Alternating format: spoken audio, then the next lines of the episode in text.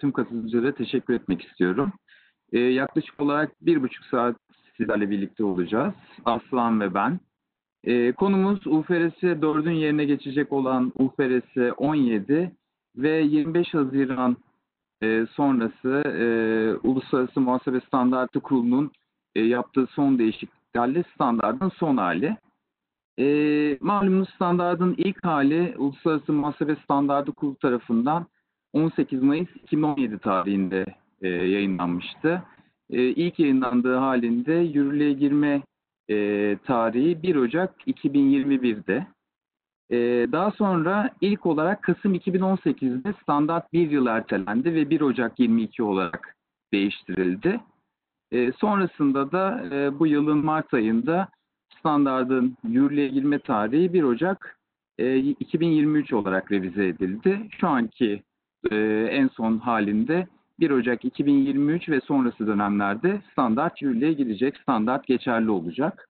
Ve UFRS 4'ün yerini alacak. Aynı şekilde sigorta şirketleri için UFRS 9 uygulaması da e, bu tarihten itibaren bu tarihten itibaren e, yürürlüğe girecek.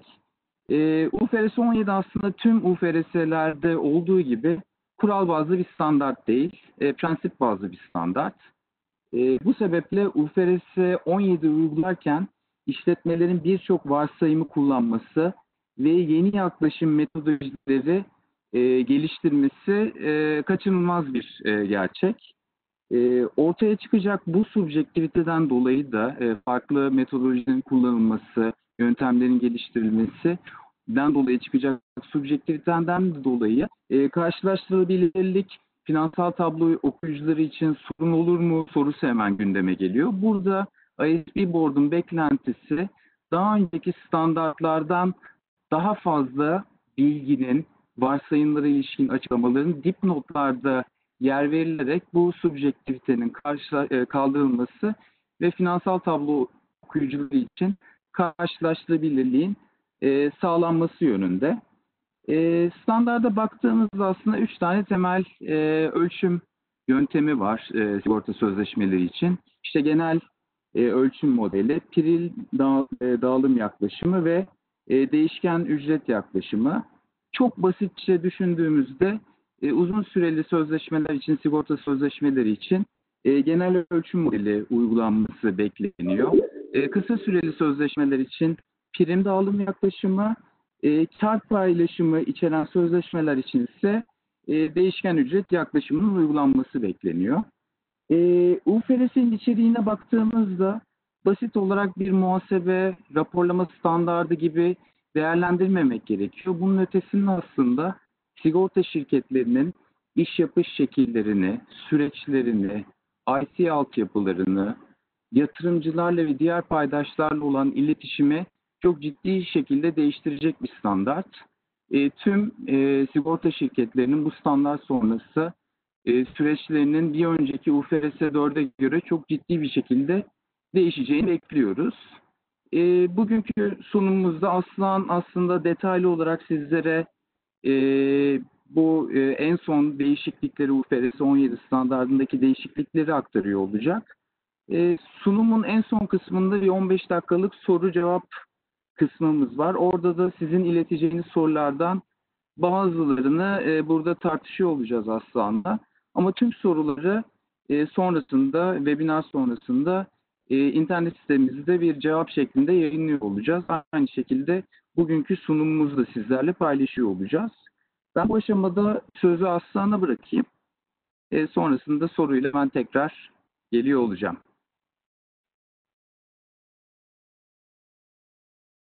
Aslan sesin gelmiyor. Geliyor mu? Şu anda çok iyi. Ee, Günaydın arkadaşlar. Teşekkür ederim başkanım. Ee, bildiğiniz aslında. Yok şu anda iyi Aslan. Tamam. Ee, zaman zaman yurt dışından sizlerle e, bütün sektörde kestleri paylaşıyoruz. Ama böyle bir şey daha önce e, Türkiye özelinde e, ve Türkçe olarak yapmamıştık. Bu değişikliği e, artık standartasyon haline e, geldi diyerek e, bir fırsat olarak da gördük. Hem de herkese aynı anda ulaşma gibi bir kolaylığımız da var. Süreç tabii ki biraz COVID-19 sürecinden dolayı online'dan yapmak zorunda kalıyoruz. E, bir dönemde hani keşke e, ofisimizde de bir araya gelip yüz yüze de bu soruları, tartışmaları yapmamız e, mümkün olsaydı ama ileride mutlaka olacaktır. E, bugün Kerem'in de bahsettiği gibi aslında son değişikliklerden bahsedeceğim. Neler gündemimizde? Burada her konu Türkiye için çok geçerli olmayabilir. O yüzden bazı konuları hızlı geçeceğim ama e, genel olarak hem ISB Board'un yani Uluslararası Muhasebe Standartları Kurulu'nun amacı neydi? Hem standart son halinde e, son haline geldiği için nelere dikkat etmemiz gerekiyor? E, farklı e, ürünler, e, farklı sigorta şirketleri hayat ve hayat dışı için e, hangi konular e, gündemde ya da gündeme alınacak? E, bunların üzerinden e, geçeceğiz. Biraz önce aslında e, Kerem de bahsetti. E, işte Eylül 2019'da yani öncesindeki süreç e, tabii ki baki e, ama en son değişikliklerle ilgili şirketler ve e, birçok e, danışmanlardan yorumlar Eylül 2019'da alınmıştı. E, Kasım 2019'da yeniden müzakere planı yapıldı. E, işte Şubat 2020'de tartışmalar tamamlandı. Aslında biz nelerin değişip nelerin değişmeyeceğini e, Şubat Mart gibi biliyorduk. E, ama nihai halini bekliyorduk ki çünkü zaman zaman e, işte orada tekrar konuşulacaktır denilen konular ilgili değişiklikler oldu. En son paragrafta nelere benziyor? E, bunları nihai haliyle değerlendirelim. O da e, 25 Haziran 2020'de yayınlandı. E, son durumda yürürlük tarihimiz 1 Ocak 2023. Ama herkes ısrarla söylüyor ki bütün bu değişikliklerden kabul edilenler edilmeyenlerin üzerinden geçerken de göreceksiniz. Aslında daha fazla erteleme olmaması için bütün bu değişiklikler kabul edildi ya da reddedildi ya da hani e, bir şekilde e, hem yatırımcılarla görüşerek hem şirketlerle görüşerek mevcut uygulama projelerini bozmamasına özen gösterildi. Daha fazla ertelenmesini e, sektörde ISP Board'da istemiyor. 1 Ocak 2023 yürürlük tarihi ama 1 Ocak 2022 açılış bilançosunu hazırlamamız gerekecek. E, biz 2017'den beri Türkiye'de bu konuyu konuşuyoruz. Şu anda 2020 yılındayız. 1 Ocak 2022'de artık çok gerçekten az kaldı. E, o yüzden de uygulama projelerini e, bu sene ve önümüzdeki sene e, hız kazandırıp en azından 2022'yi normal bir süreç, UFRS 17 raporluyormuşuz gibi bir süreç olarak e, geçirmemiz e, gerekiyor. E, değişiklik kriterlerinde yani bütün bu değişikliklerin üzerinden geçerken ISB Board neye göre karar verdi dediğimizde temelde kendi ilkelerini belirlemişti 2019 yılında. Birincisi finansal tablo kullanıcıları için e, bir bilgi kaybına e, sebep olmak istemiyoruz. Yani yapacağınız hiçbir değişiklik bilgi kaybına yol açmamalı. İkincisi, hala hazırda devam eden projeler var ki bazı şirketler standart yayınlanmadan 2016 yılında da e, başlamıştı. İkincisi, devam eden uygulama projelerini bozmasın. Üçüncüsü, daha fazla ertelenmesine de sebep olmasın. Yani 2023 benim nihai tarihim dedi ISB Board. Ee, değişikliklere genel olarak, genel kapsamdan bakarsak aslında ISP Board'un sitesine girdiğinizde bunları zaman zaman da paylaşıyoruz. E, kendi sunumlarını da yayınladılar değişikliklerle ilgili. E, üçe kırdı yaptığı değişiklikleri. Birincisi sonuçların açıklanmasını basitleştirme. Yani finansal tablo okuyucusuna e, daha basit gösterimle sunum yapabilme. Bir diğeri maliyetleri azaltma. Şirketlerin zorlandığı operasyonel olarak elde edemediği bilgiler e, ya da sistemsel olarak e, altyapılarını tamamen değiştirebilecek ya da değiştirmesine sebep olabilecek paragraflar vardı. İkincisi maliyetleri azaltma. Bir diğeri de geçişi kolaylaştırma. Geçiş başlı başına ele almamız gereken bir konu. Burada bütün her yerde geçişten kastım benim her zaman şey olacak. 1 Ocak 2022 bilançosunun e, hesaplanması olacak aslında. Geniş çaplı uygulama alanında bir bize de e, aslında çok sık gelen bir soru ara dönem raporlaması. E, sigorta edinimine ilişkin nakit akışlarıyla ilgili bazı değişiklikler oldu. E, burada bahsedeceğim. Ben işte mevcut tecrübeme göre Türkiye'de bu değişiklik yani bizi etkileyecek diye düşünmüyorum ama e, yine de farklı şirketlerde farklı uygulamalar olabilir. Bir diğeri çok fazla konuşulan elde tutulan restoran sözleşmelerindeki hasarların geri kazanımı ve portföy seviyesinde sunum. E, bunun bir kısmı maliyetleri azaltma, e, bir kısmı da sonuçların açıklanmasını basitleştirmeyle ilgili e, geniş çaplı uygulamalar, uygulama alanlarıydı. İkincisi çoğunlukla hayat ve sağlık sigortalarını ilgilendiren değişiklikler var ki bizim için, Türkiye için düşündüğümüzde daha çok hayat tarafını etkileyen diyebilirim. E, bunlar yatırım hizmetleri verilen sözleşmeler ilgili değişiklikler. Bir alan seçeneği var. E, yine hani bahsedeceğim bizim Türkiye'de çok kullanmadığımız ama ileride belki gündemimizde olabilecek toplulaştırma düzeyi ve değişken ücret yaklaşımının uygunluğu. DUI dediğimizde değişken ücret yaklaşımı yani aslında sektörde daha oturmuş adıyla Variable Fee Approach, VFA e, diye dilimize yerleşti. E, geçişi kolaylaştırmak için özellikle işletme birleşmeleri ve portföy devirleri çok konuşulan bir konuydu e, yurt dışında. E, satın almalar, satın almalardan sonraki portföy devirleri, şirket birleşmeleri. Bununla ilgili bazı e, değişiklikler yapıldı. E, sigorta şirketlerini çok ilgilendirmeyen ama sigorta şirketi dışında kalan bazı şirketler de UFRS 17'de raporlama yapmak zorunda kalabilirdi. Bununla ilgili yeni muafiyetler getirildi diyebilirim. E, ve diğer küçük değişiklikler. Diğer küçük değişiklikler dediğimizde ufak ufak işte bir takım cümlelerin düzeltilmesi ya da yanlış anlaşılan bir takım yerlerin düzeltilmesi diyebilirim. E, şimdi hepsine tek tek aslında konu neydi diye gireceğiz. E, ilk önce geniş çaplı uygulama yani bizim bütün sektörümüzü hayat hayat dışı herkesi ilgilendiren konu. E, en baştan beri konuştuğumuz e, portföy seviyesinde sunum. Şimdi bilançoyu e, hatırlarsınız e, şu anda biz normal bilançoda yükümlülükleri gösteriyor, gösteriyoruz. Sigortalardan alacakları gösteriyoruz. Fakat UFS 17'de e, 2017 dediğimizde ilk versiyonundan bahsediyoruz her zaman burada sunumda parantez içinde. UFS 17'de e, varlık niteliğinde e, düzenlenen sigorta sözleşmeleri, grupları ve yükümlülük niteliğindeki sigorta sözleşmesi grupları ayrı gösterilmelidir şeklinde bir ifade vardı. Bunu hem bürü taraf için yani e, sigorta şirketinin düzenlediği sözleşmeler için hem de elde tutulan restoran sözleşmeleri için geçerliydi. Operasyonel olarak da zordu. Bu gereksinim sözleşme grubu seviyesinden portföy seviyesine çıkartıldı. Bu önemli ölçüde uygulama kolaylığı demek. Bu e, işte hayat dışı şirketlerinde e, alacakların dağıtımı yani sigortalardan alacakların sözleşme grubu seviyesinde dağıtımı çok zordu. E, keza bazı hayat şirketlerinde de aynı şekilde e, dışarıda manuel takip edilen e, veriler olabiliyor. E, ki elde tutulan restoran için çoğu zaman sektörümüzde zaten manuel dışarıda tahsilatların takip edildiğini görüyoruz. Dolayısıyla bu önemli ölçüde e, bizim açımızdan uygulama kolaylığı anlamına geliyor. E, baktığımızda da hani bilançoda zaten sigorta sözleşmesine portföy bazında baktığımızda çoğu zaman yükümlülük durumunda olmasını da e, bekleriz. E, burada sadece üzerinde durmak istediğim konu hani evet e, günün sonunda alacak ve borçların portföy seviyesinde de olsa bir dağıtımının yapılması gerekecek.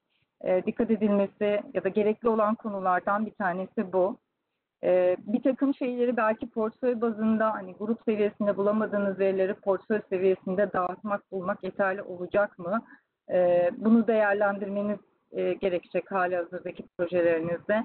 Elde tutulan restoran sözleşmeleri için biraz önce söylediğim gibi yine e, gruplama seviyesi ya da portföyünün belirlenmesi daha sonra portföy bazında dağıtımın değerlendirilmesi gerekecek. Ama bence burada en önemli konulardan biri bu basitleştirilme getirilmiş olsa bile sunum ve açıklamalar yani bizim dipnotlar dediğimiz hareket tabloları bu hareket tablolarında hangi verilerin ihtiyacı hangi verilere ihtiyacınızın olacağı önemli. Çünkü şeyi unutmamak lazım. Evet portföy seviyesinde bilanço gösteriyorum ama e, dönüp dipnotlara baktığımda aslında örneğin e, işte kesin kar edecek sözleşmeler, yani zarar etme ihtimali çok düşük olan sözleşmeler, zarar etmeyi beklediğim sözleşmeler ya da diğerleri gibi üç farklı grupta e, bir takım hareketleri göstermem gerekecek sözleşmenin yükümlülükleriyle ilgili. E, burada e, dikkate almam gerekecek konu var mı? Bilanço portföy bazında basitleştirme olsa da bunu unutmamak gerekiyor. Hatırlatma olarak belirtelim. E, bir diğer konumuz yine çok tartışmalı bir konuydu. E, bilerek ve isteyerek de hani bu şekilde yapmamışlardı aslında. E, ama bir şekilde paragrafların gidişatı nedeniyle e, sonuç şu olmuştu. Ben sigorta şirketi olarak bir sigorta sözleşmesini düzenlediğim zaman zarar etmesini bekliyorsam biliyorsunuz zararı UFS oyununda ilk gün yazacağım. Fakat buna karşın buradaki hasarlardan resüre devrettiğim bir kısım olabilir. Dolayısıyla bir kısmını e, ben kazanç olarak yazabilirim. Bunu izin vermiyordu UFS 17 2017. E, kazancı hemen muhasebeleştiremiyordum. E, eğer varsa resüreden elde ettiğim bir kazanç bunu restoran sözleşmesinin teminat süresine dağıtıyordum. Burada ciddi bir değişiklik var. Ee, hem kapsamı genişletildi. Yani hem bölüşmeli değil, diğer restoran sözleşmelerinde de e, değerlendirip e, işte ilk gün e, ben bir zarar yazıyorsam e, karşı bacağında yani elde tutulan restoran tarafında da kazancını yazabiliyor olacağım. E, ilk defa bir kural verdi. Yani ilk defa bir formülasyon verdi e, restoransla ilgili. Bu, bu da e, ben ne kadar zarar ediyorsam e, işte o zararın devredeceğim tutarı hasarın yüzdesi yani hasardan ne kadar devrediyorsam aslında zararında o kadarını devrediyorum gibi bir varsayımla e, ilerleyerek e, bunu çarparak e, hesaplama yapacağım dedi. E, bu e, birazdan bahsedeceğim hani zaman zaman bazı denetim şirketleri tarafından çok kabul görmediği için e, uygulamada diğer IFRS'lere de atıfta bulunmuyor ama e, burada en önemli değişiklik aslında elde tutulan restoran tarafında. E, restoran tarafı bugüne kadar birçok projede hep ertelendi. E, en son mesela KPMG içerisinde bizim globalde bir şeyimiz olmuştu, toplantımız. O toplantıda bütün ekiplere sorduk dünyadan ne kadar, hani kaç kişi restoran tarafını e, tamamladı diye sıfırdı. Onu söyleyebilirim. Herkes çalışıyor şu anda restoran tarafı ile ilgili ama hani yolu yarılamış olan bir %50-60'lık e, kısım var. Dolayısıyla sizin için de yine restoran e, sözleşmelerinin değerlendirilmesi, e, sınırının belirlenmesi, dayanak sözleşmelerle nasıl yani sizin yazdığınız, düzenlediğiniz sözleşmelerle nasıl ilişkilendirileceğinin belirlenmesi gerekecek. Burada hep elde tutulan diyorum üstüne basa basa çünkü sizin düzenlediğiniz restoran sözleşmeleri bildiğiniz gibi zaten e, düzenlediğiniz sigorta sözleşmeleriyle aynı çerçevede değerlendiriliyor. E, artık şeyi söyleyebiliriz. Elde tutulan restoran tarafı ile ilgili belirsizlikler giderildi. Dolayısıyla yöntemler konusunda bugüne kadar beklettiğiniz bazı soru işaretleriniz varsa e, bunları kapatıp ilerleyebilirsiniz. Yapılan değişiklik geniş çerçevede yapıldı. Dolayısıyla e, birçok açıdan e, hem okumasını kolaylaştırdı, finansal tabloların okumasını ve açıklamasını, e, hem de sigorta şirketleri açısından e, muhasebe e, tutarlılığını sağladı. E, tek burada konuşulan dediğim gibi konu dayanak sigorta sözleşmelerinden meydana gelen zararlara sadece hasarların neden olduğunu varsayarak ilerlendi.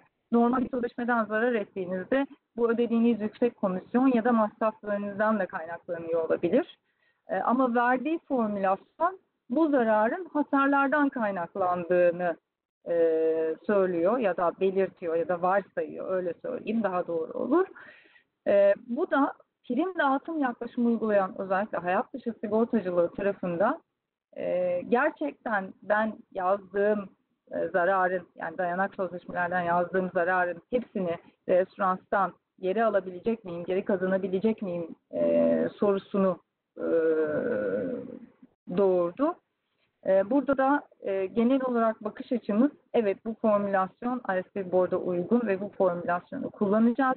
Ama bir taraftan da e, hani resürülden gerçekten geri kazanabilecek miyimle ilgili ayrı bir test e, yapmayı da öngörüyoruz. E, bunu da hani belirtmiş olalım. E, motomot birebir uyguladığınız zaman belki de komisyondan ya da masraftan ettiğiniz bir zararı da e, reestürden sanki geri kazanacakmışsınız gibi bir varsayım ortaya çıkıyor ki bu da e, birçok açıdan geçerli olmayabilir bazı durumlarda. Tabii ki her zaman şeye de bakmak lazım. Bunun önemlilik seviyesine de bakmak lazım. Sigorta edinimi nakit akışlarında şimdi özellikle yurt dışında e, Türkiye'de de belki vardır sektörümüzde. E, ben karşılaşmamış olabilirim. E, yenileme garantili e, sözleşmeler var. Yenileme garantili sözleşmelerin bir kısmında da sigorta şirketleri komisyonu en baştan ödeyebiliyor. E, yenileme garantili demesine rağmen de sözleşme sınırı bir yıl oluyor. Çünkü portföyün riskini yeniden ölçebiliyor. Bu, bu tip ürünler var. Örneğin sağlık sigortasında var olduğunu biliyorum. E, ya da kritik hastalıklar gibi sigortalarda da yine var olduğunu biliyorum. E, bu gibi durumlarda e, sözleşme sınırı bir yıl ama sigorta şirketi öyle bir komisyon veriyor ki belki önümüzdeki 10 yıllık yenilemeyi kapsıyor. Veya tam tersi şöyle düşünün. Şu anda uzun süreli değerlendirdiğiniz bir ürün var 10 yıllıkmış gibi. Ona göre komisyon veriyorsunuz ama UFRS 17'yi bir geçiyoruz sözleşme sınırınız bir yıla düşüyor. Bu durumlarda UFRS 17 2017 ilk yayınlandığında ödenen ilk komisyonu ilk sözleşmenin sınırına koyuyordu ki bu da sözleşmenin zarar etmesine sebep oluyordu. Ee, bu burayla ilgili dolayısıyla bir değişiklik yapıldı. Değişiklik de şu, e, komisyonu ödediğiniz zaman bir varlık muhasebeleştiriyorsunuz. Daha sonra bu varlığı sözleşmeli sözleşme gruplarını kayda aldıkça o gruplara dağıtıyorsunuz. E, dolayısıyla hani şu anda bilançonuzda bir varlık tutuyormuş gibi olacaksınız. E, buna karşında tabii ki e, değer düşüklüğü testine e, tabi tutmak gerekecek. Ben gerçekten bu komisyonu ileride yenileyeceğim, gelecekteki yeni işlerden e, alabilecek miyim? Gerçekten geri kazanabilecek miyim? E, benim testi. E, bu testle ilgili de e, oldukça detaylı bilgi verildi. Burada sigorta edinimine ilişkin nakit akışlarının nasıl belirleneceği, sözleşme sınırınıza nasıl dağıtılacağı, bu gibi bir durum var mı sizde? Ee, varsa değer düşüklüğü testini nasıl yapacaksınız? Sözleşme grubu seviyelerine nasıl dağıtacaksınız? Yenilemelere ileride nasıl dağıtacaksınız? Veya uzun süreli ise daha sonraki dönemlerine sözleşmenin yeni sözleşmeymiş gibi değerlendirip nasıl dağıtacaksınız? Bunun belirlenmesi gerekir. Ee, bu durumdan dolayı prim dağıtım yaklaşımı kullanan bazı şirketler e, e, bu sözleşme edinimine ilişkin nakit açıklarının hemen muhasebeleştirilmesine karar vermişlerdi. Şimdi bu değişiklikten sonra tekrar ertelemeye e, dönecekler. Geçiş için tabii ki bu konuda bir basitleştirme getirildi. E, değiştirilmiş geriye dönük yaklaşımda e, geçiş tarihi itibariyle belirlediğiniz metodolojileri geçmişe uygulay uygulayıp açılış için bir varlık e, hesaplamanız gerekiyor. E, eğer bilgi mevcut değilse sıfır kabul edebilirsiniz. Herhangi bir varlık yaratmanıza gerek yok. Geçmişle ilgili bir düzeltme yapmanıza gerek yok. Gerçeğe uygun değer yaklaşımı kullanıyorsanız da herhangi bir düzeltme, bununla ilgili herhangi bir düzeltme söz konusu olmayacak. Ee, eğer geçişte yeni ödeyeceğiniz komisyonlar varsa bu çerçevede sadece onları e, değerlendireceksiniz. Ayrıca değer düşüklüğü testini de yine geçmişe dönük olarak yapmanıza gerek olmayacak. Çok önemli konulardan biri ara dönem raporlaması. Ara dönem raporlamasında e, standart ilk halinde dönemden döneme ölçümü gerektiriyordu. Yani bir kitleme söz konusuydu. Ara dönemde yaptığım herhangi bir değişikliği, varsayımlardaki değişikliği tekrar dönüp bir sonraki ara dönemde e, yılbaşından itibaren yeniden hesaplayamıyordum. Bugün biliyorsanız aslında bizim bütün mali tablolarımız mali yıl esaslı yani yılbaşından bugün ölçüm yapıyoruz. E, ve hani Haziran döneminde örneğin e, Ocak'tan Haziran'a bir hareket veriyoruz. E, dönüp tabii ki e, ilk Mart ayını yeniden düzenlemiyoruz ama hesaplamalarımızı hep e, yıl mali yıl esasına göre yapıp daha sonra iki dönem arasındaki farkı alarak ilerliyoruz. E, bu FRS 17 2017 böyle değildi. Dönemden döneme yaklaşım vardı. E, burada çok tartışıldı bu konu. E, yılbaşından yani mali yıl esasına göre bir şirket gruba mali yıl esasına göre raporlayıp lokalde e, ara dönem raporlaması da yapıyor olabilir. Bu iki sonucun ciddi anlamda farklılaşmasına sebep olur. E, bunu dikkate aldı ISB Board. E, yatırımcılarla da konuştu. Burada özellikle uygulama projelerini, halihazırda başlayan uygulama projeleri var, sistemsel altyapısını kurmuş olan bunları bozmamak için bunu bir muhasebe e, politikası seçeneği olarak sundu. Yani dönemden döneme raporlama seçeneğiyle mali yıl e, esasına göre raporlama seçeneği arasında bir muhasebe politikası seçimi yapmanız gerekecek. E, bu da çok ciddi bir seçim, onu söyleyebilirim. Aradaki farkın neler olabileceğini tahmin etmek çok zor.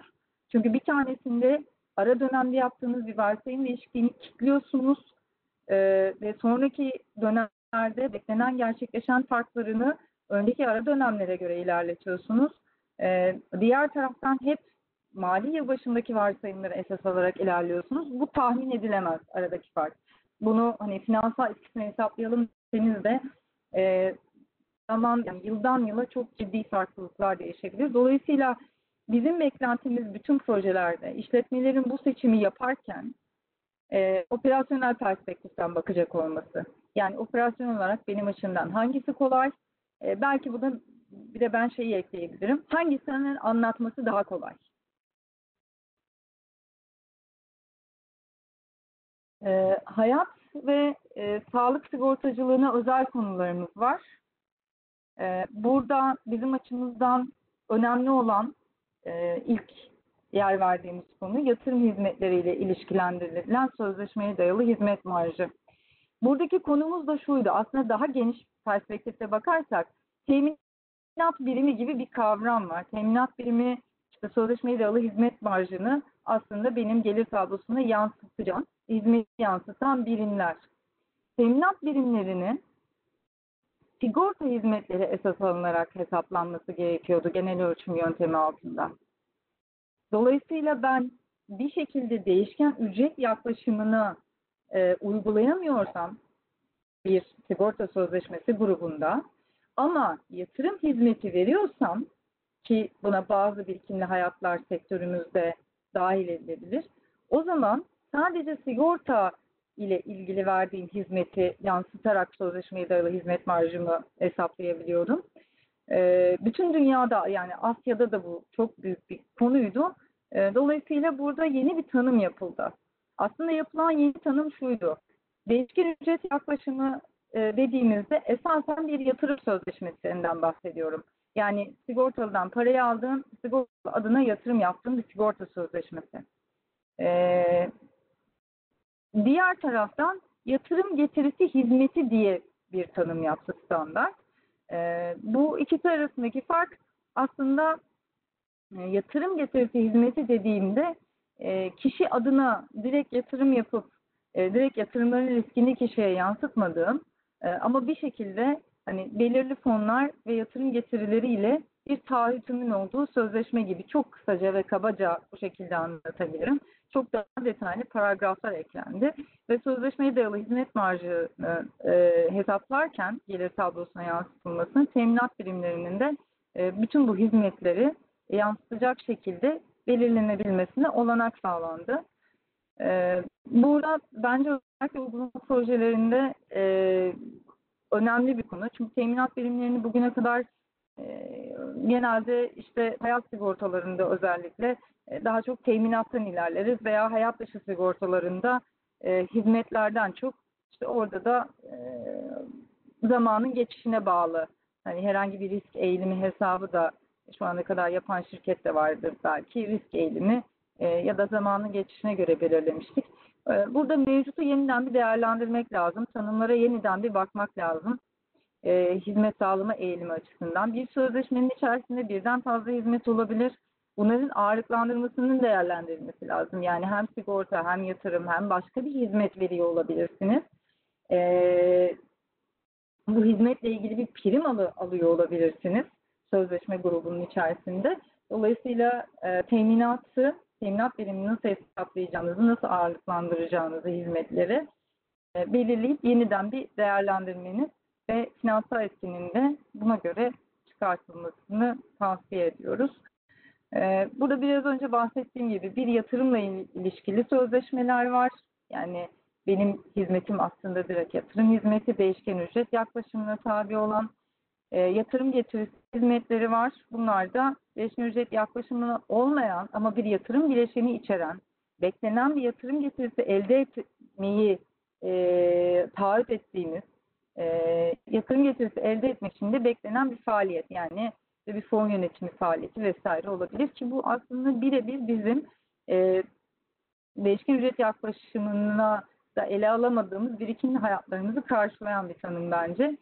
Diğer yatırım faaliyetleri de yine aynı şekilde maliyetlere koyulamıyordu. Şimdi koyulabilecek. E, risk azaltma seçeneğinin üzerinde çok durmayacağım. E, çünkü risk azaltma seçeneği Türkiye'de çok kullandığımız bir şey değil. E, yöntem değil. İleride kullanırsak mutlaka çok fazla detayına girmemiz gerekecek. Çünkü çok paragraf var bu konuyla ilgili. Ama kabaca şunu söyleyebilirim. E, siz bir finansal sigorta sözleşmesinde bir finansal riskiniz varsa ve bu finansal riskiniz için bu bir finansal risk olabilir. E, enflasyon olabilir, kur sabitlemesi olabilir. Bu finansal riski yönetmek için ya da hedge etmek için karşısında bir türev varlık e, tutuyorsanız e, burada muhasebesel açıdan e, farklılık olmaması için değişken ücret yaklaşımı kullanılan sözleşmelerde risk azaltma seçeneği de kullanılıyorsa e, muhasebesini, sözleşmeye dayalı hizmet marjını neyi düzelteceğini, neyi düzeltmeyeceğini değiştirdi. Bu ne demek? Aslında ilk e, belki paragraf burada en iyi anlatan kısım. Finansal riskteki değişim, değişken ücret yaklaşımı sözleşmelerinde sözleşmeye dayalı hizmet marjını değiştiriyor. Yani hiçbir şekilde gelir tablosuna veya diğer kapsamlı gidere yansıtılmıyor. Buna karşın siz finansal riskle ilgili türev bir ürün tutuyorsanız bu türev üründeki yani karşı taraftaki varlığın e, kayıp ya da kazançları kar zararda muhasebeleştiriliyor. Dolayısıyla yükümlülüklerle ilgili değişimi sözleşmeye dayalı hizmet marjına atıp e, diğer tarafta varlıkları kar zarara yansıttığınızda bir muhasebe uyuşmazlığı oluşur, dönemsel uyuşmazlık. Bu durumu aslında azaltmak için standart demişti ki eğer risk azaltma seçeneği kullanıyorsanız e, risk azaltma seçeneği kullandığınız gruplar için sözleşmeye dayalı hizmet marjını e, düzeltmeden direkt e, farkı, yükümlülüklerdeki farkı da kar yansıtabilirsiniz demişti. Burada konu şuradan çıktı. Bir, bazı şirketler türev kullanmıyorlar ama türev olmayan varlıkları bunu yönetmek için kullanıyorlar. Bazı şirketler varlık yerine elde tutulan restoran sözleşmeleriyle yani restoran şirketlerle anlaşıp finansal risklerini yönetebiliyorlar. Ee, değişken ücret yaklaşımı uygulamadıkları sözleşmeleri için de aynı şekilde risk azaltma seçeneğini kullanabiliyorlar gibi konular vardı. Çok fazla konuşuldu o yüzden. Ee, ve burada da önemli bir kapsam değişikliği yapıldı. Ee, bir tanesi elde tutulan restoran sözleşmeler için de aynı şekilde e, risk azaltma e, kullanılıyorsa, elde tutulan restoran sözleşmeleri üzerinden risk azaltma seçeneği kullanıyorsa aynı şekilde e, buradaki muhasebe uyumsuzluğunu gidermek için işte kar zararı yansıtma seçeneği e, getirildi. Veya türev olmayan e, finansal varlıkları kapsayacak şekilde e, genişletildi. E, risk azaltma seçeneğiyle ilgili e, sektörün karşı çıktığı konulardan biri hani geçişte ben bunu geçmişte zaten risk azaltma seçeneği uygulamışım. E, benim e, geçişte de bunu uyguladığım haliyle sözleşmeye dayalı hizmet marjını hesaplamam lazım. Dolayısıyla yansıtabilmem lazım gibi bir konu vardı. E, bunu değiştirmedi ICE Board. E, geçiş tarihinden önce uygulamak e, uygun değil. Çünkü orada önemli bir hani judgment gerektirir. E, dolayısıyla orada e, siz o zaman da sanki bunu yapıyormuşsunuz gibi değerlendirmeniz de mümkün olmaz. Dolayısıyla 1 Ocak 2022'den önce risk azaltma seçeneğiyle ilgili e, herhangi bir muafiyet yok e, dedi ve bunda hani itirazlara rağmen aslında e, bunda da kaldı. Bu bir değişiklik değil aslında bir, e, öncekinin teyidi gibi düşünebilirsiniz. E, aynı şekilde e, gerçeğe uygun değer yaklaşımı e, uygulayabilirsiniz dedi. Yani değiştirmiyorum ama risk azaltma seçeneği uyguladığınız portföyler için ya da sözleşme grupları için gerçeğe uygun değer yaklaşımını uygulayabilirsiniz geçiş için e, gibi bir seçeneği vardı. Yine aslında risk azaltma seçeneğinin diğer kapsamlı gelirle birlikte uygulanması durumunda ikisi kendi birbiri arasında çelişiyordu. E, burada bir değişiklik yapıldı. E, bunun detayını öğrenmek ya da e, anlatmamı isterseniz ayrıca e, konuşursak e, çok daha iyi olur. Dediğim gibi hem detaylı bir konu hem aktif olarak sektörde çok fazla karşılaştığım bir konu olmadığı için burada çok detayına girmek istemiyorum ama DKG seçeneği yani diğer kapsam gelir seçeneği ve risk azaltma seçeneği arasında bir uyuşmazlık vardı ve bu uyuşmazlığın ortadan kalkması için e, yine paragraflar düzeltildi. E, yine ben herhangi bir şekilde e, sözleşmeyi de hizmet marjını değil kar zararı yansıtıyorsam varlık kısmını e, yine kar zararı yansıtacağım. Diğer kapsamlı gelirle ilgili kısmı diğer kapsamlı gelire yansıtacağım. E, bence önemli olan konulardan biri toplulaştırma düzeyi. E, toplulaştırma düzeyinde yıllık kohortlara e, bütün sektör, bütün dünyada diyebilirim e, çok sevmedi. Özellikle e, Asya'da da bazı ürünler yıllık kohortlar arası karlılık geçişleri yaşadığı için e, bunun kalkmasını istediler. E, jenerasyonlar arası yani farklı kohortlar arası kar paylaşımı olan sözleşmeler var. E, işte bir yılda kazandığınız karı belki işte gelecekteki sözleşmelere de dağıtmanızın söz konusu olacağı ürünler var yurt dışında.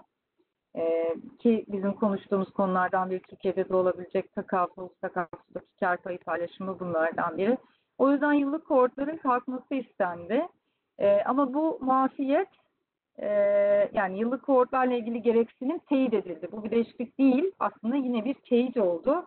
Ee, yıllık kohortlar zaman içerisinde karlılığın e, takip edilebilmesi için şarttır. Dolayısıyla e, toplaştırma düzeyinde özellikle yıllık kohort ayrımında herhangi bir şekilde e, değişiklik yapmayacağız dendi. E, bu da tabii e, bizim açımızdan bu tip sözleşmelerimiz, bu tip gruplarımız, portföylerimiz, ürünlerimiz var mı? E, varsa farklı kohortlar arasında kar payı paylaşımını, nakit akışı dağıtımını nasıl yapacağım, kar payı paylaşımını nasıl yapacağım? E, bunu değerlendirmem gerekecek. E, evet hani bu karmaşık olabilir, maliyetli olabilir ama bununla ilgili e, hani pragmatik yaklaşıp belki de pratik yaklaşıp e, belli kurallar portföy seviyesinde e, kurulup aşağı doğru sözleşme gruplarına da e, indirgenebilir. Ama yıllık kohortlar hayatımızda olacak, hayatımızdan çıkmayacak.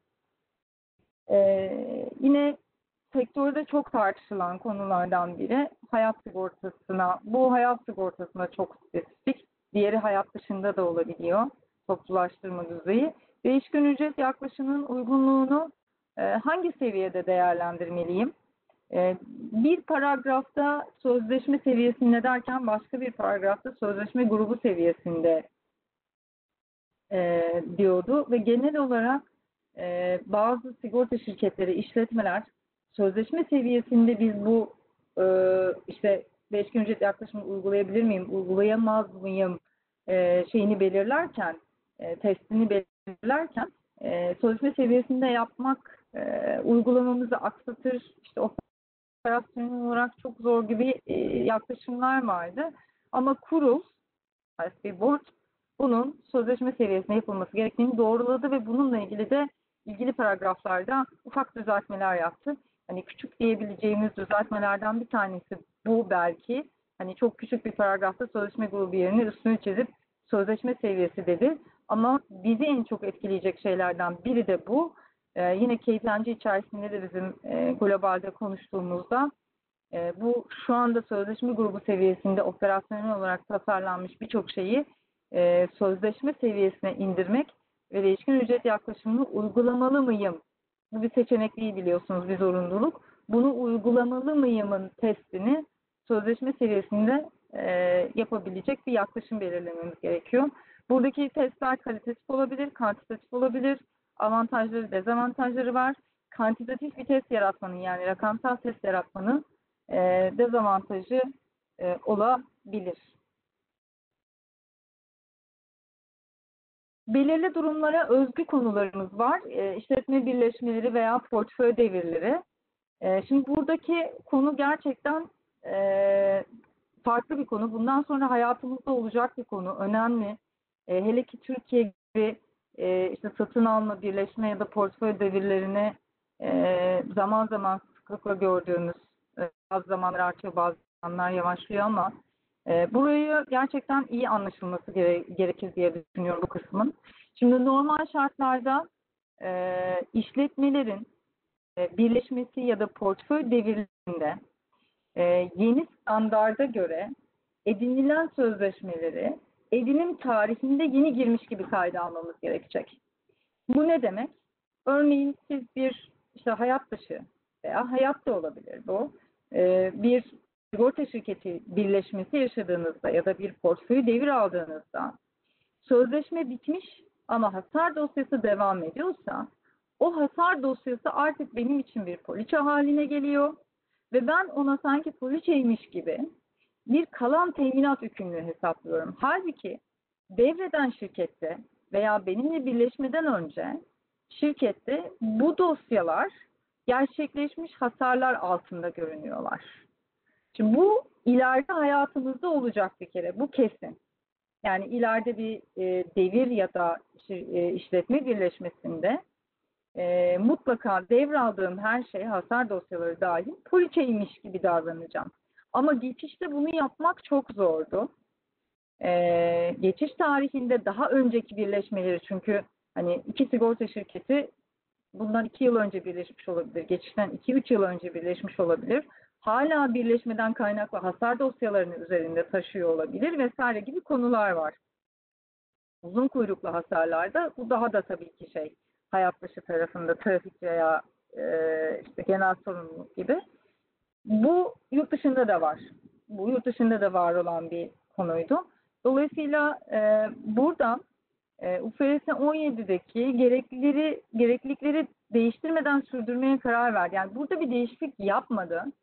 Ama geçişte sizin bu bilgilere ulaşmanız kolay değilse veya belirli şartlar çerçevesindeki onları listeledi, devraldığınız ya da birleşme sonrası yükümlülükleri kalan teminat yükümlülüğü değil, gerçekleşen hasarlara ilişkin yükümlülük olarak taşımanıza izin verdi. Bu bir kereye mahsus ve geçiş için yapılmış bir e, şey, e, muafiyet verilmiş bir muafiyet. E, muafiyet dediğim aslında bir basitleştirme. E, hani standartı motomot uygularsanız devraldığınız hasar dosyalarını kalan teminat yükümlülüğünde tutacağınıza aslında gerçekleşen hasarlara ilişkin yükümlülükte yani devraldığınız şirketin şirket nasıl tutuyorsa siz de öyle tutabileceksiniz. Mantığı şu, ben aslında hasar dosyası devraldığımda e, burada bunu örnek olarak söylüyorum hasar dosyası kısmını. Bir şirketin günün sonunda bitmemiş değil işte 6. ayında olan bir sözleşme de olabilir. O sözleşmenin ilk 6 ayından gelmiş bir hasar da olabilir. O yüzden hasar dosyası diyorum. E, özellikle hayat dışı tarafında. E, mantığı şu, benim satın aldığım şey aslında hasarın belirsizliği. Ben sözleşmeyi satın almıyorum. Yani hasarın belirsizliği benim için bir sözleşme. Bu mantıkta e, ilerlendi. E, geleceğe dikkat etmek lazım. Gelecekte bunun e, geçiş e, dışında, geçişte basitleştirme uygulasak bile e, gelecekteki devir ve satın almalarda esas alınacak yeni bir muhasebe var. E, UFRS 4'te gördüğümüz e, işte aynı şekilde tanımlanabilir gibi bir muafiyet artık geçerli değil. E, birincisi bu. İkincisi bence önemli bir konu. Uzun hasar süreci olması beklediğiniz prim dağıtım yaklaşımı e, sözleşmeleri e, olabilir ki bizim sektörümüzde de var. E, prim dağıtım yaklaşımını kullandığınız için sadece prim dağıtım yaklaşımı çerçevesinde bir sistemsel altyapı kurabilirsiniz.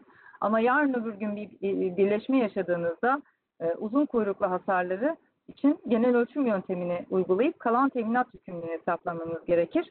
E, bunu yine e, ilerisi için belki dikkat edilmesi şeylerden e, gereken konulardan biri. E, diğer konularımız var. Bunlar diğer küçük değişiklikler ya da e, diğer konularla ilgili çok üzerinde durmayacağım dediğim gibi. Hani zamanımızı da e, efektif kullanmak adına. Ama şu, e, hani kısaca bahsedersem e, bazı kredi kartı, işte bazı bankalar ya da finansal kuruluşlar diyeyim, e, kredi veya kredi kartlarında e, kartlarının içerisinde zaman zaman kendileri de bir sigorta sağlayabiliyorlar. E, direkt sigorta ettirmiyorlar da sigorta şirketinden ya da bir sigorta sözleşmesi aracılığıyla değil de e, kendileri ufak sigorta teminatları koyabiliyorlar. E, bu durumda e, bu, bu durumda bu ürünler UFS 17'ye tabiydi. E, e, bir banka veya finansal kuruluşun UFS 9 olduğunu, UFS 9 uyguladığını düşünürsek eğer, e, burada e, UFS 9 altında zaten riskleri değerlendiriyorlar bakış açısıyla e, kapsam dışı bırakıldı. E, zaten temelde işleri sigortacılık değil e, bu işletmelerin. Dolayısıyla da kredi ve kredi kartları e, veya buna benzer düzenlemelerin UFS 17 kapsamı dışında bırakılıp işte ilgili standart neyse kuruluşun uyguladığı ya da işletmenin uyguladığı onun altında e, hesaplanması, muhasebeleştirilmesine karar verildi. Vergilerle ilgili konuşulan konular vardı. Sigorta vergileri. Bunu kurumlar vergisi gibi düşünmeyin.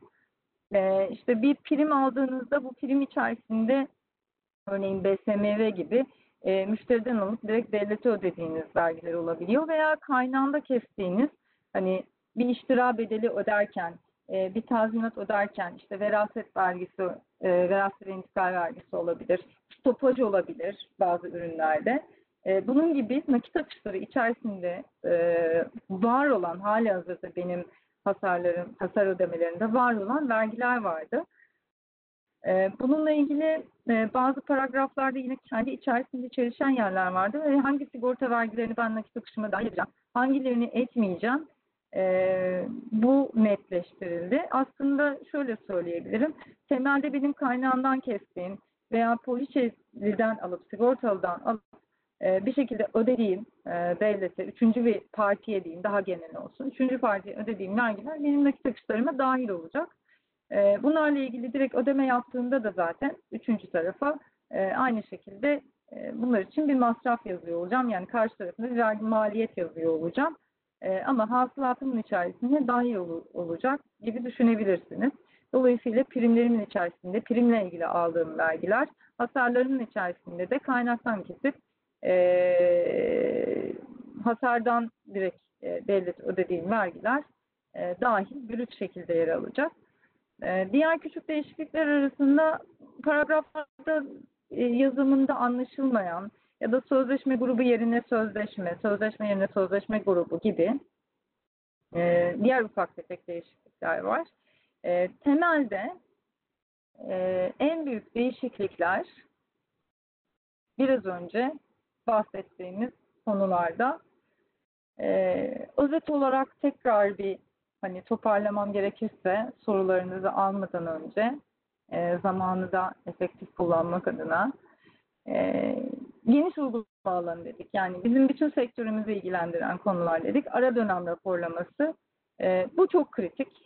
E, işte uluslararası şirketler var e, gruba raporlayan. Ayrıca e, hazine müsteşarlığının da hazinenin de e, aynı şekilde UFRS 17'yi uygulayacağını düşünürsek ya da bankaya raporlama yaparken banka iştirakıysanız e, bir şekilde UFRS 17 raporlamanız gerekeceğini düşünürsek burada tutarlılık önemli. Yani ara dönem raporlaması e, ve gruba yaptığınız raporlama ya da konsolide raporlarınız çıkarken e, bir seçim yapmanız gerekecek dedik. Bu ara dönem raporlaması seçimi dönemden dönemi yaklaşımı mı uygulayacağım yoksa mali yıl esasına göre mi? Finansal etkisi de şu anda tahmin edilemiyor. Bununla ilgili ben e, şeyi sordum. ISB e, soru sorma fırsatı buldum. ISB Board'un bir üyesine hani bunun finansal okuyucular açısından çok zor olmayacak mı? Karşılaştırılması neredeyse imkansız. E, evet. E, ancak bunu tek bir yöntem olarak koysaydık şu andaki uygulama projelerini çok bozardı. Finansal okuyucular yani yatırımcılarla görüşmüşler. Yatırımcıların özellikle ara dönem raporlaması ile ilgili e, hani evet okuması çok zor olur ama e, dipnotlarda ne yaptığını şirketler yazdığı sürece bizim için sakıncası yok demişler. Ee, burada ara dönem raporlamasında ki açıklamaları gerçekten iyi yapmak gerekecek. Etkileri net olarak vermek gerekecek. Bu da ilave bir takım analizler anlamına gelebilir. Yani ben mali yıl esasına değil de dönemden döneme yapsaydım aslında gelir tabloma nasıl yansıyacaktı sonuçlara kadar gidebilecek bir açıklama gereksinimine e, bizi götürüyor. E, o yüzden ben bu konunun üzerinde çok duruyorum açıkçası. E, keza ikinci konu e, çok böyle hani zorlandığımız ya da nasıl yazalım e, bilemediğimiz elde tutulan restoran sözleşmelerindeki hasar geri kazanımıydı. E, bence bu da çok e, değerli oldu. Bunu değiştirmeleri, genişletmeleri, e, netleştirmeleri, en azından e, evet bir formülasyon verdiler. Bu formülasyon bazı e, şeyleri, e, bazı varsayımlar içeriyor ama e, kurulun da söylediği şuydu. Zaten çok e, şey bir konu, e, detay bir konu, zor bir konu. Dolayısıyla bunu e, basit bir yaklaşımla çözmeye çalıştık. Daha da fazla zorlaştırmak istemiyoruz. Şimdi yaklaşarak o formülasyonu verdiler. E, sigorta edinine ilişkin nakit akışları ile ilgili yapılan değişiklik e, bizi çok etkiler mi, etkilemez mi? E, muhtemelen şirketlere ve ürünlerin yapısına göre değişecek. E, portföy seviyesinde sunumda yine bence herkes için uygulamayı kolaylaştırdı. E, diğer tarafta e, değişken ücret yaklaşımının uygunluğunu sözleşme bazında test edecek olmamız hayat sigortası şirketleri için e, bir challenge. Yani baştan oturup gerçekten tasarımınıza bir bakmanız gerekir diye düşünüyorum. E, keza aynı şekilde uygulanamıyor diyelim. E, uygulanamıyorsa o zaman yatırım hizmeti veriyor muyum? Yatırım hizmetiyle ilgili teminat verimlerimi nasıl belirleyeceğim? Burada yöntem çok aslında soruldu da ISP Board'a örnek verin en azından diye. E, ve örnek verince yönlendirmiş oluyoruz ve sanki başka hiçbir şey kullanılamazmış gibi e, davranılıyor. Dolayısıyla örnek vermeyeceğiz dendi. Bence bu şu açıdan çok önemli. E, UFS 17'yi yorumlarken, okurken, bütün değişikliklere bakarken her zaman bakış açınızı çok geniş tutmanız çok faydalı olur. Yani sigortacılığı baştan hani hiç şey yapmıyorum. Şu andaki kurallardan bağımsız düşünüyorum. Yeni baştan kurallar yazıyorum gibi düşünerek değerlendirmek gerekiyor. E, risk azaltması seçeneği bence Türkiye'de çok kullanılabilir değil ama varsa bunu kullanan e, her zaman sorularınız için buradayız. Her zaman konuşabiliriz. E, işletme birleşmelerinden yeni bahsettim. Dolayısıyla e, geçişi kolaylaştırma amaçlı bir muafiyet var. Ama burada dikkat edin ki ileride işletme birleşmeleri ve portföy devriyeleri için muhasebemiz e, ciddi anlamda değişiyor. E, ve geçiş muafiyetlerimiz de olmayacak daha sonraki dönemlerde. E, sigorta şirketleri olmayan diğer işte finansal kuruluşların e, verdiği bir takım e, riskle ilgili teminatlar için yine UFS 17 kapsamından çıkartıldı ve diğer küçük e, değişiklikler var. E, birazdan soruları alacağız ama e, önce biz size e, soralım. Aslında e, şu anda sorulması gereken, yani şu anda artık hiç kimsenin, bence hiçbir şirketin, ya işte bekliyoruz, belirsizlik ertelenecek mi, artık hiçbir şeyi kalmadı. E, bahanesi diyeyim, ilerleyebilmek için. Her şey netleşti. E, netleşti derken, bu Kerem'in de bahsettiği gibi açılışta, prensip bazlı bir standart olduğu için her zaman önümüzde e, bir takım yorumlar yapmamız gerektirecek birçok konu olacak. Ama en azından bakış açısı ya da temel bir takım konularla ilgili e, standart değiş, e, değişikliklerini yaptı. E, daha fazla ertelemeyeceğini de söyledi ki gündemde hiç böyle bir konu yok. Bundan sonrası için sadece standart prosedürler var. Dolayısıyla hani ilk sormamız gereken soru bütün bu değişiklikler e, buraya yazmamış olsam da bütün değişiklikler beni etkileyecek mi? Ne anlamda etkiliyor? E, bütün bunlar çerçevesinde hangi verilere ihtiyacım var? Veri bu işin kaynağı. Veri olmadan zaten hiçbir şekilde ilerleyemiyoruz. E, projelere başlayanlar da gördü. E, bu işin yüzde e, 50'si, yarısı, belki yarısından fazlası o veriyi e, toparlamak oluyor.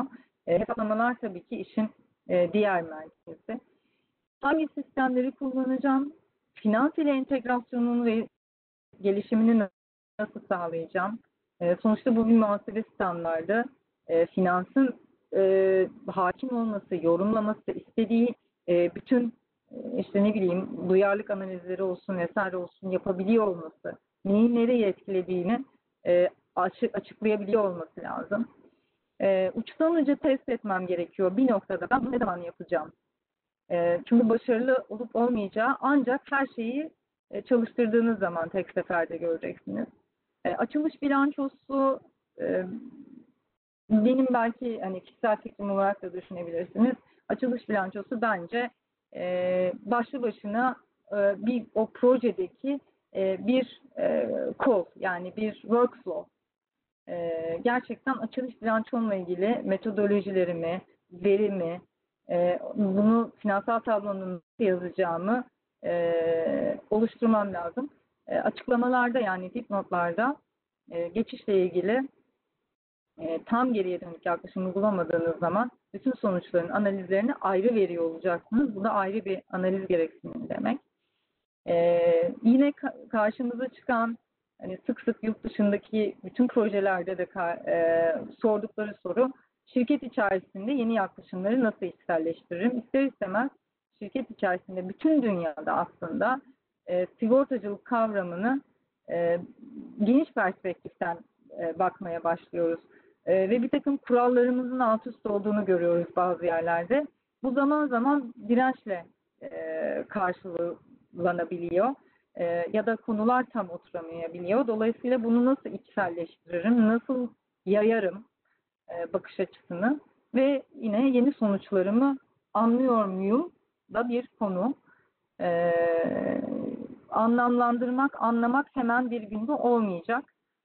Hmm, Bu sonuçları anlamak ve anlamlandırmak için e, finans ve aktüeryanın e, birlikte çalışması gerekiyor E, ve kendinize geçişten önce yani 1 Ocak 2023 geçiş diyorsak geçişten önce mutlaka bir test süreci oluşturarak e, sonuçların nasıl değiştiğini, aşağı yukarı nasıl oynadığını, e, neyin neyi etkilediğini görebileceğiniz e, bir canlı öncesi canlı gibi bir süreç olması gerekiyor. Biz buna dry run diyoruz aslında ya da paralel run diyebilirsiniz. İngilizce çok terim oturduğu için ağızda söylüyorum ama bir e, paralel dönem. E, bu paralel dönemde de e, yeni raporları UFRS 17 altında alıp UFRS 4 altında da alıp ilerlemek. UFRS 4 altında raporlamalarımız bir süre daha devam edecekmiş görünüyor, gibi görünüyor. Bütün sektörde konuşmalarımız bu yönde. Hemen e, UFRS 17'ye geçip UFRS 4'ün anahtarını kapatmam gibi bir şey söz konusu e, değil ki zaten UFRS 17 e, sadece sigorta sözleşmeleriyle ilgili sigorta şirketlerinde işte hayat tarafında hayat ve emeklilik şirketleri diyoruz. Emeklilik tarafı var ya da hayat dışı şirketlerinde de diğer farklı hizmetler olabilir. E, dolayısıyla bilançomun diğer kalemleri, UFRS 17 dışında kalan, kalan kalemleri ya da muhasebesi de baki. E, UFRS 4'teki hem karşılaştırmaları görmek hem de e, mevcut hesap planına bir şekilde entegrasyonu sağlanacağı için e, verginin de henüz net olmadığı için UFRS 4'ü hemen e, kitleyip kapatamayacağım. E, bir süre ikisini yan yana alıp yeni sonuçlarımı anlamlandırmam da faydalı olabilir. Özellikle üst yönetime sunarken diye düşünüyoruz. Çok hızlı oldu ama e, çok teşekkürler. Benim söyleyeceklerim bu kadar.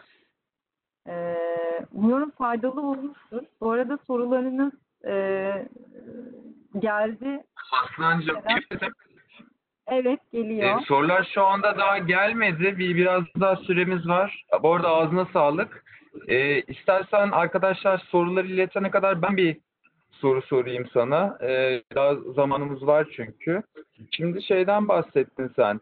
E, ara dönem raporlaması konusundan bahsettin. Burada işte iki tane farklı yöntem olabilir. Dönemden döneme ölçüm ile işte yılbaşından e, bugün ölçüm e, yaklaşımı olabilir dedin. Burada bir politika seçimi yapacak. Bu da e, karlılığı vesaire her şeyi etkileyecek. Bu politika seçimi yapılırken dikkate alınması gereken konular nelerdir? Yani nelere dikkat etmeleri gerekir?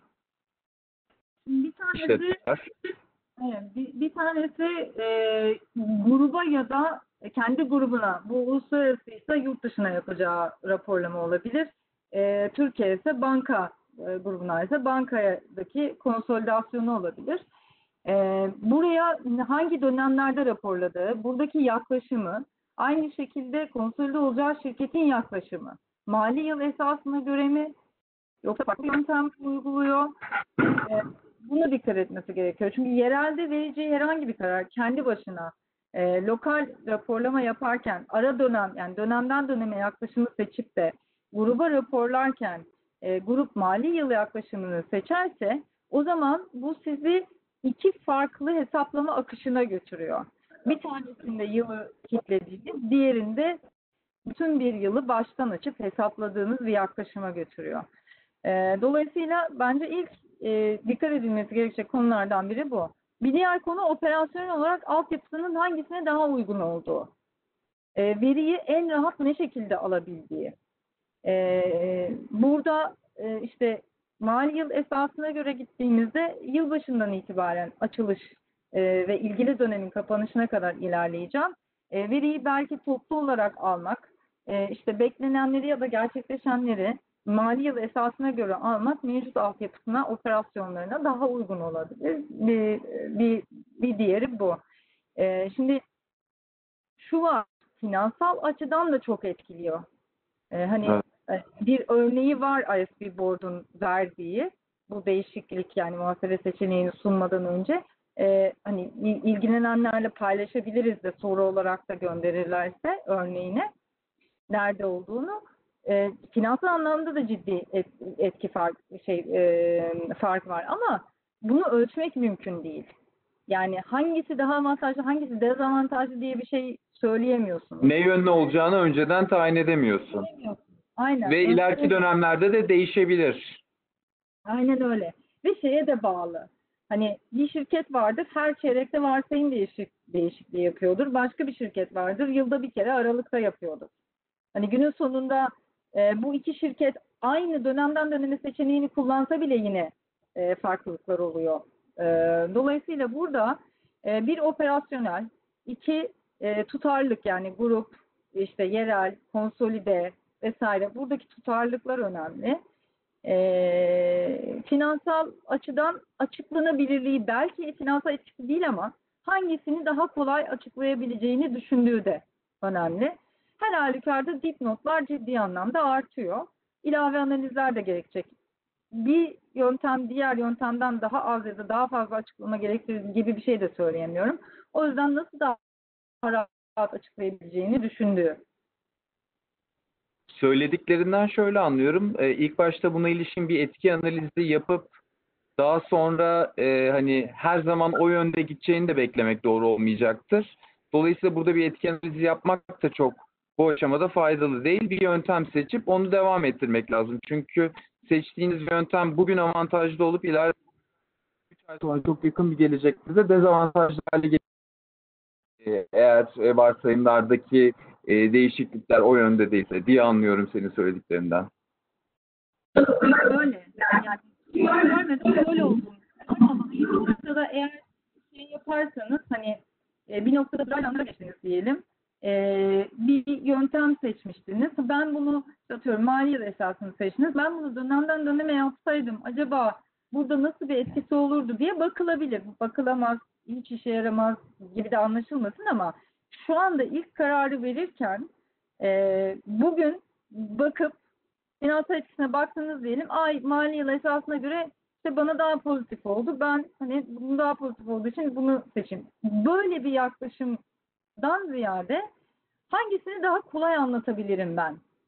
Hem üst yönetime hem yatırımcılara hem ortaklara eee, bu bakış açısıyla ilerlemek biraz daha sağlıklı eee, şu aşama için söylüyorum. Tamam, teşekkürler. Ee, Aslan katılımcılarımızdan bir soru geldi. Bununla da çok alakalı. Ee, Neval Hanım şöyle sormuş. Raporlama konusunda mali yıl seçeneği ile ilgileniyorsa ara dönem raporlaması gerekliliği hiçbir şekilde söz konusu olmayacak mı? Kesinlikle öyle bir şey yok.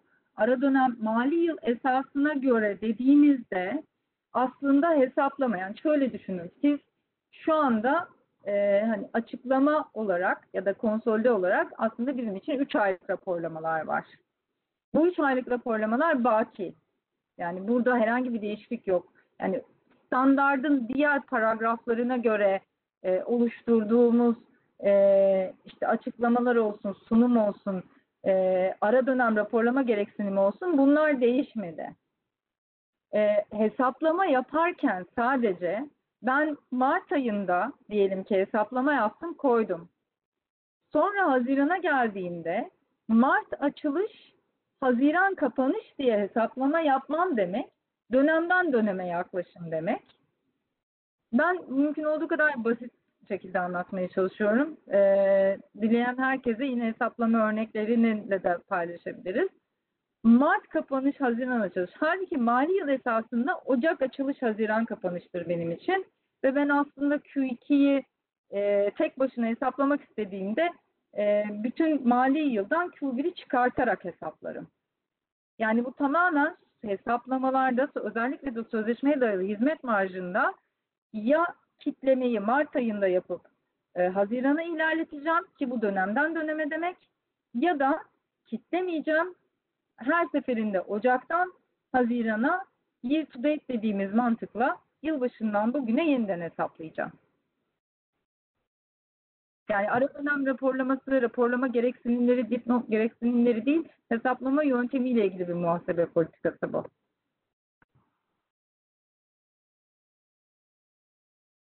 Hasan'cığım sesin kesildi.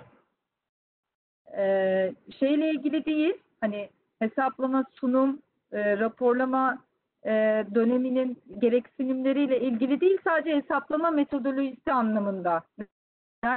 Nereden itibaren kesildi sesim bilmiyorum ama yani dönemden döneme ve mali yıl başından demek e, benim için hesaplama yöntemi sunumdan ziyade. Benim bugünkü raporlama ile ilgili her şeyim e, baki yani değişmedi. Ben yine çeyreklik rapor yapacağım.